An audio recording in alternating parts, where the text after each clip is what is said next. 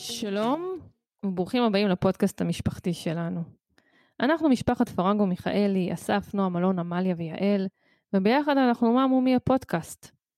מזמן לא הקלטנו פרק, אנחנו חוזרים לנו מחופשת חגים ארוכה מאוד שלקחנו לעצמנו, אבל אה, נראה שכולם מדברים רק על דבר אחד, והוא משבר האקלים, והיום גם אנחנו נשאל שאלה, איך משבר האקלים משפיע עליי? איך, איך חם לי בנובמבר? חם לך או ששרבי לך אלון? מה, מה התחושה?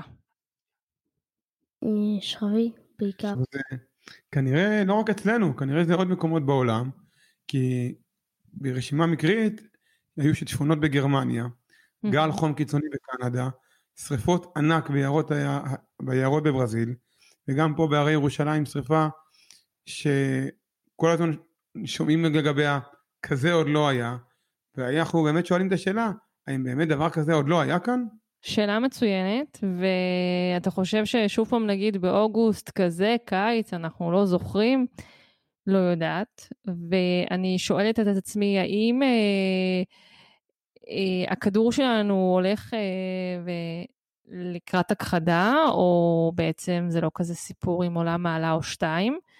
והאם זה יעזור שנפסיק לשתות מקשים ונפחית בשר? וכל זה עוד לא אמרנו מילה על ועידת האקלים בגלזגו, שממש ברגעים אלה מתכנסת, ואולי הם יביאו את הפתרון משם. איפה זה בכלל גלזגו? לא ממש בטוחה שבזה נעסוק היום, אבל uh, אנחנו רוצים לארח קולגה מעולם הפודקאסטים בנושא הכי בוער שעל סדר היום העולמי, וגם פה על סדר יומנו במה מומי. איך משבר האקלים משפיע עליי. לא סתם קולגה, דוקטור. אז דוקטור אבנר גרוס, הוא מהמחלקה לגיאוגרפיה מבית הספר לקיימות ושינוי אקלים מאוניברסיטת בן גוריון שבנגב. ולאחרונה, ביחד עם העיתונאי נדן פלדמן מעיתון דה מרקר, הם מעלים את הפודקאסט החשוב והמצוין האקלימיסטים. היום הוא מתארח אצלנו לענות על השאלות הכל כך חשובות בנוגע למשבר האקלים. ורגע לפני שאנחנו צוללים לפרק, אנחנו מזמינים אתכם לעקוב אחרינו באפליקציות השונות, ובנים, אנחנו מוכנים? אנחנו מתחילים.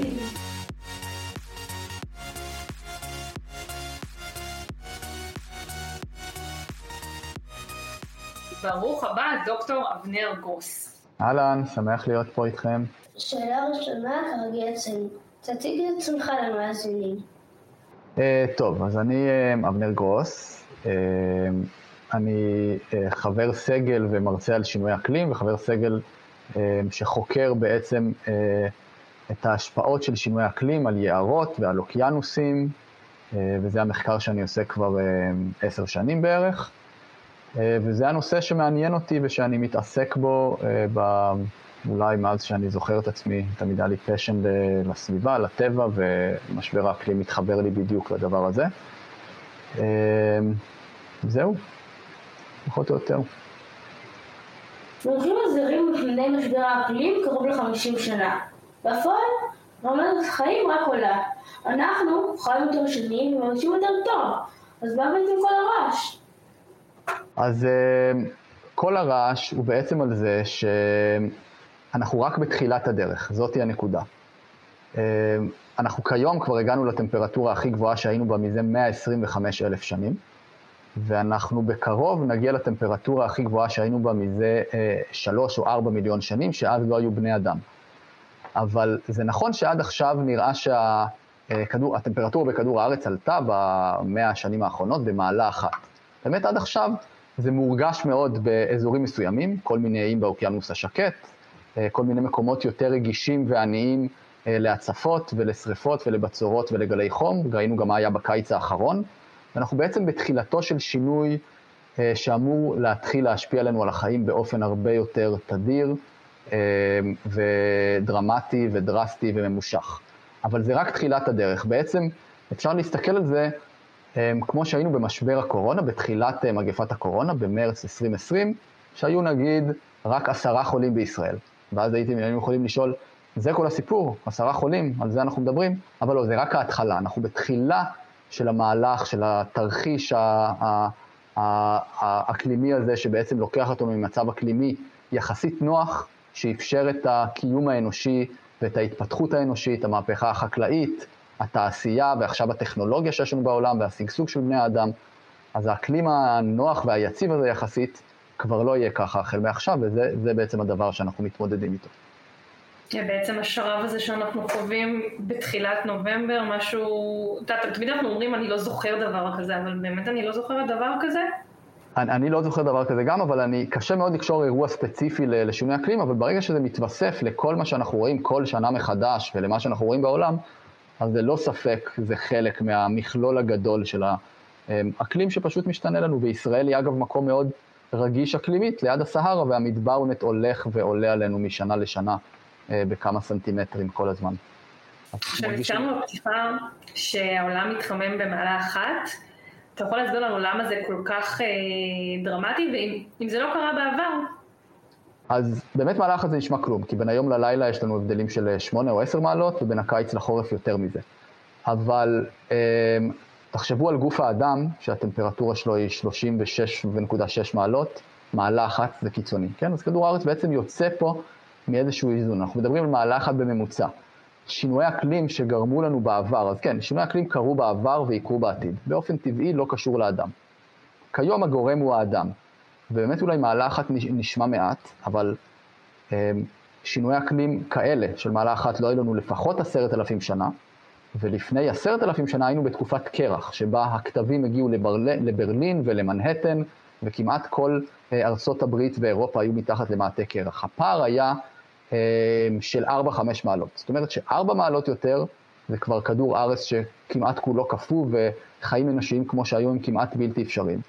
אז מעלה אחת זה באמת משהו שעדיין התחילתי, אבל זה תחילה של מסלול לעבר משהו הרבה יותר חמור, שאנחנו רוצים לעצור אותו בזמן. כי אם אנחנו נעלה בשתיים, בשלוש או בארבע מעלות, אנחנו כבר ניכנס לעידן אקלימי חדש שבני אדם לא חיו בו מעולם, ולא בטוח שיוכלו לחיות בו כמו היום בעתיד. איפה משבר האקלים פוגש אותי או כל אחד אחר במימד האישי? אז אה, שאלה מאוד טובה. אני חושב שהוא פוגש אותנו בכל דבר שאנחנו עושים בחיים. אנחנו אה, יצורים שחיים בטבע, כן? אנחנו מקבלים, נושמים את האוויר, את, שותים את המים, האוכל שלנו מגיע מהאדמה, ואנחנו רגילים לחיות בטמפרטורה יחסית יציבה ומתאימה לקיום חיים. אבל מה אם כל זה יתחיל טיפה להשתנות? ואנחנו פתאום נראה שבקיץ שלנו, במקום שיהיה לנו אה, עשרה ימים בממוצע של אה, גלי חום, כמו שיש לנו עכשיו, פתאום אנחנו נראה 80 ימים כאלה בממוצע, בתרחיש הקיצוני שצפוי להיות לנו בסוף המאה. אז זה יכול לפגוע לנו בדברים האלה. פתאום נראה אירועי קיצון הרבה יותר דחופים ודרמטיים שיכולים לפגוע לנו בחיי היום-יום. שיטפונות, בצורות גדולות, שריפות אה, ודברים דומים. ואולי הכי חשוב, אה, מה, למשל, סתם אני יכול לתת לכם דוגמה, אה, המזון שאנחנו אוכלים, למשל כל, הח, כל החיטה שלנו לא מגיעה בכלל מישראל. כל הלחם שאנחנו אוכלים מגיע מאוקראינה ורוסיה, שם מגדלים את החיטה. אז אפשר אפילו לומר שהתחממות באוקראינה אפילו יותר משפיעה על חיינו מהתחממות בישראל.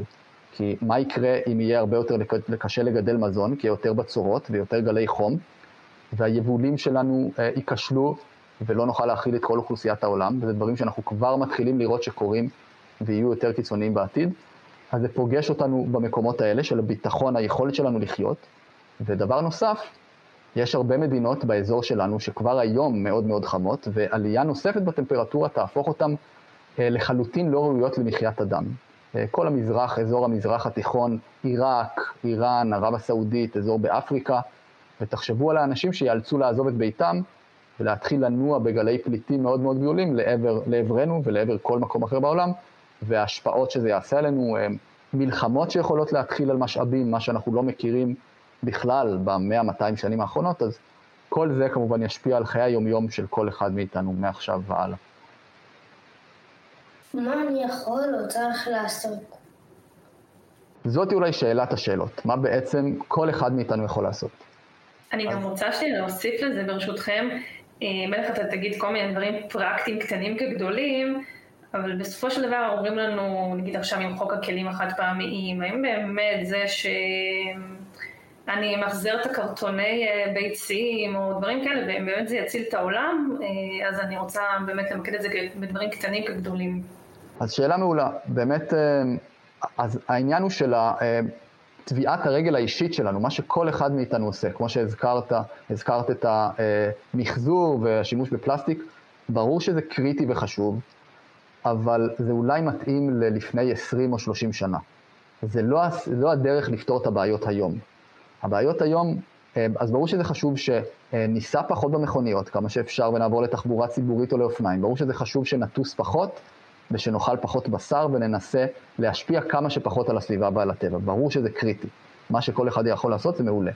אבל עיקר הבעיה נובעת ממה שמחמם אותנו זה בעצם שריפה של דלקים, של נפט, פחם וגז, זה עיקר המקור של גזי החממה שהם בעצם מה שמחמם אותנו, ואת זה אנחנו צריכים להפסיק.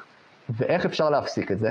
אנחנו תלויים פה בממשלות ובתאגידים, שהם אלה שאחראיות בעצם אה, לדאוג לזה שהאנרגיה שלנו תגיע ממקורות חליפיים, שמש, רוח או גרעין, מקורות נקיים, ואנחנו צריכים בעצם באופן אישי מה שאפשר לעשות, זה לעשות כל מה שאנחנו יכולים בלעודד את השיח הזה, לגרום לאנשים להבין שזה הדבר החשוב ביותר בחייהם, אה, ולגרום לממשלות בעצם להתחיל להתייחס למשבר הזה ברצינות, ופשוט אה, לשנות את כל, בעצם אני קורא לזה להניע מהפכת אנרגיה שלישית, לעבור מאנרגיה מזהמת לאנרגיה נקייה, אה, וזה נשמע מסובך ומורכב, אבל א', אין לנו ברירה, וב', זה קרה בעבר כבר, היו מהפכות גדולות בהיסטוריה האנושית, ואני חושב שגם ילדים, גם בני נוער, גם מבוגרים, כולנו צריכים שזה יהיה הנושא הכי חם והכי חשוב שנמצא בראש שלנו כל הזמן, ולעורר את המודעות הזאת כל הזמן בכל מקום, זה יותר חשוב אה, מלמחזר שלושה בקבוקים או אה, בקשים או לא. תעשו גם את זה, כן? אבל זה לא, אה, לא במקום. ברגעים אלה ממש אה, כל המנהיגים שלנו אה, מתכנסים לטובת העניין בגלזגו. נכון, ואני באמת מקווה שתצא משם איזושהי בשורה, שזה לא יהיה רק דיבורים, באמת יש כוחות מאוד חזקים מכל מיני כיוונים שרוצים למנוע את השינוי הזה. יהיו מפסידים מאוד גדולים למדיניות אקלימית, שכוללת בעצם, אה, מה שאנחנו צריכים לעשות בפועל, זה אה, יציאה מהאנרגיה, הדלקים המזהמים שאנחנו משתמשים בה היום. אה, ויש כוחות מאוד חזקים שיהיה להם מאוד קשה לעשות את זה, ויש להם השפעה מאוד גדולה על המנהיגים. זה אחת הסיבות שכרגע אנחנו לא רואים שינויים בסקאלה שאנחנו היינו רוצים לראות. האם כל העולם יכול להתאחד רק בגלל משבר האקלים? שאלה מצוינת, אה, וגם מפחידה מאוד. אז התשובה המרגיעה היא שלא. הסיכוי שאנחנו, בני אדם, ניכחד, כמו שהדינוזאורים נכחדו בעבר בגלל משבר האקלים, הוא כמעט ולא קיים, וגם אם כן, זה תרחיש מאוד מאוד קיצוני שיקרה רק עוד מאות שנים בעתיד, בתנאי שאנחנו לא עושים כלום כדי להתמודד עם ההתחממות, והיא תעלה אה, בחמש, שש, שבע, שמונה מעלות באופן מאוד זריז, אז יכול להיות. אבל מה שכן יכול לקרות זה לא הכחדה של המין האנושי, אלא שהרבה מאוד אזורים בכדור הארץ יהפכו ללא ראויים לקיום חיים. ויש כל מיני מחקרים שמראים שכמעט 20% מהעולם, באזורים שגם ככה חמים היום, הטמפרטורה בהם בכמה חודשים בקיץ למשל, תהיה מעבר למה שהגוף האנושי יכול לשאת. ואותם אנשים ייאלצו לעבור למקומות אחרים, זאת אומרת שחלק מהעולם יהיה לא ראוי לקיום חיים, חלק אחר כן, אבל יהיה עליו לחץ הרבה יותר גדול, כי יותר אנשים יצטרכו לעבור לגור שם. מקומות כמו דובאי? למשל, ישראל יכולה להיות מאוד מאוד דומה לדובאי, שזה אומר לחיות תחת מזגנים כל הזמן, אה, המדבר ילך ויעלה אלינו, כן, ותחשוב על דובאי שתהיה הרבה יותר חמה מהיום. אז בדובאי כבר לא תהיה דובאי, תהיה מקום שכמעט בלתי אפשרי לחיות בו. אז זה דברים שאנחנו צפויים לראות. אבל הכחדה של אה, המין האנושי, לשמחתי הרבה, אה, לא נראה שהיא באופק. עכשיו, כולם בעצם יודעים על המשבר. השבוע זה נראה שזה עלה לסדר היום העולמי, אבל בעצם זה נראה בעיה שאף פעם היא לא עומדת במוקד הסדר העולמי. אה, ואפילו בוריס ג'ונסון, שכביכול ראש ממשלת בריטניה שמארח את הוועידה, אמר את האמת די עצובה. נפגשנו לפני 11 שנים, הוא אמר. רוב המנהיגים, חלק מהם היו באותה פגישה לפני 11 שנים, וזה נראה שהם עשו בלה בלה בלה במשך התקופה הזאת. אה, האם באמת זה יכול לעבור להיות הדבר הכי חשוב בעולם? אז אני חושב שהקורונה לימדה אותנו משהו שלא ידענו לפני, שזה כמה אנחנו שבריריים מול הטבע, ואיך נראה משבר גלובלי. לא ידענו את זה לפני, לא זכור לי שבימי חיי לפחות היה איזה משהו כזה גדול כמו משבר הקורונה, שהראה לנו אה, שהחיים שלנו באמת שבריריים, ושכל העולם צריך להתאחד ולהתגייס כדי להתמודד עם משבר כזה גדול. ו... זה שזה לא קרה בעשור הקודם ובעשרים שנים הקודמות, והאנושות לא השכילה להתאגד ביחד ולפתור את המשבר הזה, לא אומר שזה לא יקרה מעכשיו והלאה. חושב שככל שנראה אותו בא לפתחנו יותר ויותר, והקיץ האחרון אה, הראה לנו איך נראים אירועי קיצון בקנדה, בסין, בגרמניה, פה בישראל עם השרפה הגדולה, אז אני חושב שאנחנו נתחיל להבין כמה זה מאיים עלינו, וכמו שהזכרת, אני, אני אישית, למרות שהייתי בתחום, אפילו לא ידעתי על ועידות אקלים קודמות. אני לא זוכר שמישהו שמע על ועידת אקלים בלפני שנה, לפני ארבע שנים, ותקנו אותי אם אני טועה, והיום כולם מדברים על זה, אז זה כבר סימן לאיזושהי התעוררות, וצריך לזכור שאנחנו צריכים אה, רגע אחד שבו יקרה שינוי. ויכול להיות שהרגע הזה עכשיו, יכול להיות שהוא יקרה עוד שנה, אבל כן מתחיל איזה מהלך, ואין ספק שזה מאוד מאתגר וקשה, כי אה, משבר גלובלי של כל העולם, שצריכים לפתור אותו מדינות שרגילות לפתור את המשברים שלהם המקומיים. אז יש פה אתגר מאוד גדול במקרה הזה, ההתאחדות של כולם, וזה משהו שיקרה גם בעתיד. ובוריס ג'ונסון שהזכרת נבחר לארבע שנים. אכפת לו ממה שיקרה עוד שנה, אז יש פה איזה קונפליקט שאני מקווה שהמנהיגים יוכלו להתעלות מעליו ברגע החשוב הזה, כי אין לנו באמת, באמת ברירה. אני לא, לא רוצה יותר מדי לקחת אותנו למקומות הפוליטיים פה בארץ, למרות שאין לי בעיה שאני אכנס לזה. אמ, כמו משרד החינוך, משרד הגנת הסביבה זה, זה משהו שנראה שרק הפעם אה, נורא נורא רצו אותו, כאילו הוא איזה, לא רוצה להגיד עונש, אבל במשך השנים האחרונות הוא לא היה איזה משהו אה, נחשק, למרות שזה דבר נורא נורא נורא חשוב. אה, נכון, זה, זה בעיה חמורה, זה אחת הבעיות החמורות. ישראל בכלל היא שנות אור מאחור בכל השיח האקלימי. אנחנו הרחק מאחור ממה שקורה באירופה ובארצות הברית, בטוח, אה, וזה חייב להשתנות. ואני חושב שזה יתחיל להשתנות, ואני חושב שיש עכשיו מעין, הכל פתוח בנושא האקלימי בישראל, ומי שישכיל וימצא את המקום שלו וילך לתחום הזה וילמד על זה וידבר על זה, ו... ימצא טכניקות, טכנולוגיות שיכולות להתאים לזה ויחנך בכיוון, כל דבר שקשור לזה, יש לזה מקום ורק צריך פשוט לקטוף את הפירות האלה. בעיניי זה מתחיל לקרות, משרד החינוך יבין את זה במוקדם ובמאוחר. אמ, לא תהיה ברירה, זה פשוט הנושא שילווה את חיינו מעכשיו והלאה. אז אה, אני חושב... יש גם מדינות, שאתה יודע, אנחנו מדברים פה על אירופה ועל ישראל, אבל יש עדיין מדינות גדולות שתופסות נתח נכבד מאוד, שגם כן לא שם, וזה לא ממש אה, אה, מעניין אותם. שרפות גדולות בדרום אמריקה, אה, ברזיל, זה לא, לא, לא מעסיק אותם, ולהפך, הם... נכון, הם... נכון, זה באמת בעיה, באמת... זה מדאיג, נכון. זה גם מדאיג. זה מדאיג, נכון, ויש באמת מדינות עניות שלהם יהיה הרבה יותר קשה, מן הסתם, יש להם בעיות אחרות, אז ברור שקודם צריכות לטפל בבעיות היום-יום. כן. אה, אז אני מסכים שבעיה שתהיה קריטית לחייהם, היא כבר עכשיו קריטית, אבל שממש תשפיע על חייהם, עוד עשר שנים, חמש עשרה שנה פחות מטרידה אותם היום. זה עוד אחד מהאתגרים הגדולים, אבל אם נשים את המדינות האלה רגע בצד, לפחות שהמדינות המערביות, ארה"ב ואירופה, יראו שהן הולכות ועושות את מה שצריך. ומה זה מה שצריך? זה באמת אה, הפסקת שימוש בדלקים מזהמים. זה בעצם המפתח, כי הם אלה שאנחנו שורפים אותם והם פולטים גזי חממה לאטמוספירה, ולכן הפתרון הוא מאוד פשוט. להפסיק לשרוף אותם, למצוא אנרגיה חליפית שנוכל לחיות באותה רמת חיים כמו היום, אה, ומדינות, היום טכנית, מבחינה טכנולוגית זה אפשרי, זה כבר יותר זול ויעיל, והמדינה צריכה לדאוג למעבר הזה להתרחש. אגב, זה די דומה למשבר הקורונה, רק אחרי שיש לנו כבר חיסון, לא לפני החיסון, אבל אנחנו פשוט לא מוכנים לקחת את החיסון. אנחנו יודעים מה הבעיה, שזה עליית הפליטות בגזי החממה בגלל שאנחנו משתמשים בנפט וגז ופחם. יודעים מה הפתרון, להפסיק לעשות את זה. יש לנו את החיסון, אנרגיה מתחדשת שאנחנו צריכים להתחיל ולהפוך אותה ליותר זמינה, אבל אנחנו לא רוצים לקחת את החיסון. זה הנקודה פשוט כרגע. מקודם אמרת שאזורים שלמים פשוט יהפכו ללא ראויים למחיית אדם. איפה נמצאת ישראל ואיזה אזורים יהיה אפשר בהם ובאיזה אזורים לא יהיה אפשר.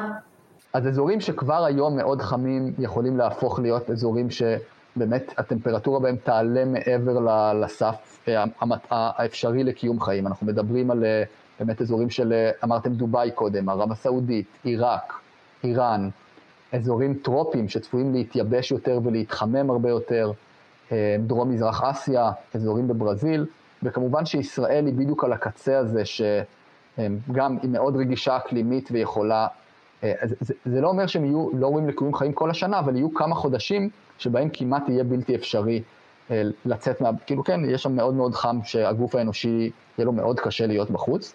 אנחנו מדברים על באמת 20 אחוז משטח כדור הארץ פחות או יותר, מיליארד וקצת אנשים מדובר, שיאלצו פשוט לעזוב את ביתם. ישראל, בגלל שהיא גם מדינה מתקדמת, אז תוכל להתמודד עם זה, כן? אנחנו נוכל להיות יותר במזגן, ואנחנו נוכל, זה לא ש... אבל, אבל זה באמת יגרור את כל הבעיות החברתיות והפוליטיות מסביבנו, כן? זה לא שאנחנו בוואקום.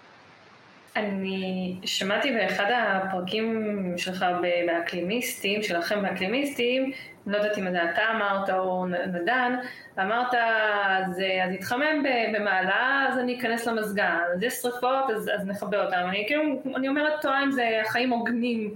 אז השירים ייכנסו למזגן, שיעבוד 24-7, ואולי בעצם משבר האקלים סוף פעם מבדיל, כאילו, לעשירים יהיה יותר קל.